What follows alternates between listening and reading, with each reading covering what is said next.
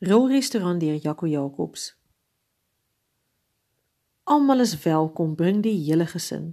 Staan nader, staan nader, kom gerus in.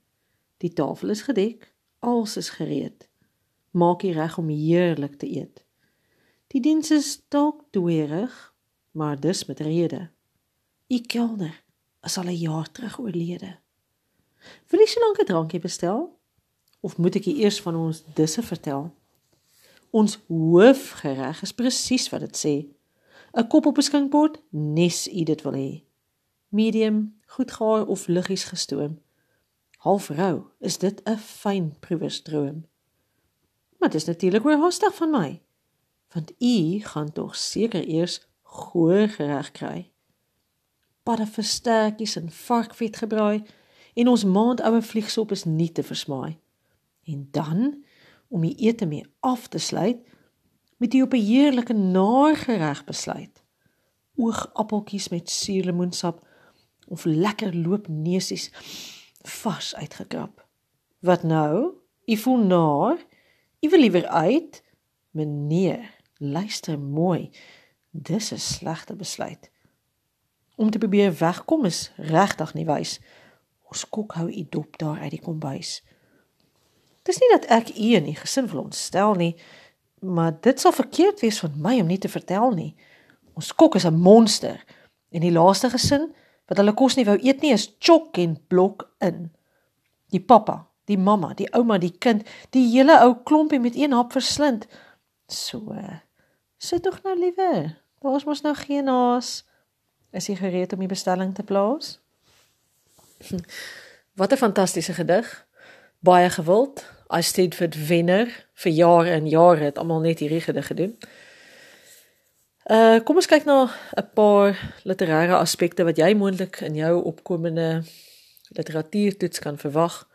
Hierdie gedig is propvol ehm um, daarvan en ons gaan 'n paar van die meer ehm um, ooglopende aspekte gaan ons uitlig. Kyk of jy dit kan sien miskien voor jy dit op die pot gooi, hoor.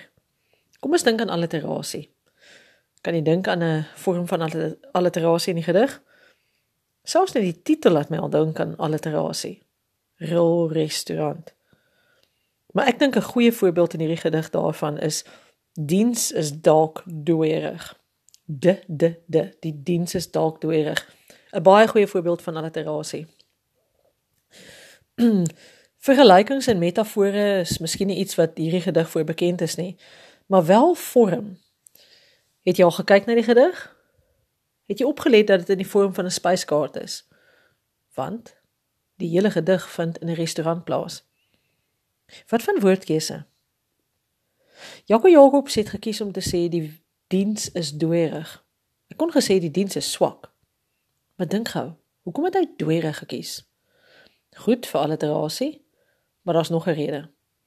Hy het dit gekies omdat alles in die restaurant dood is.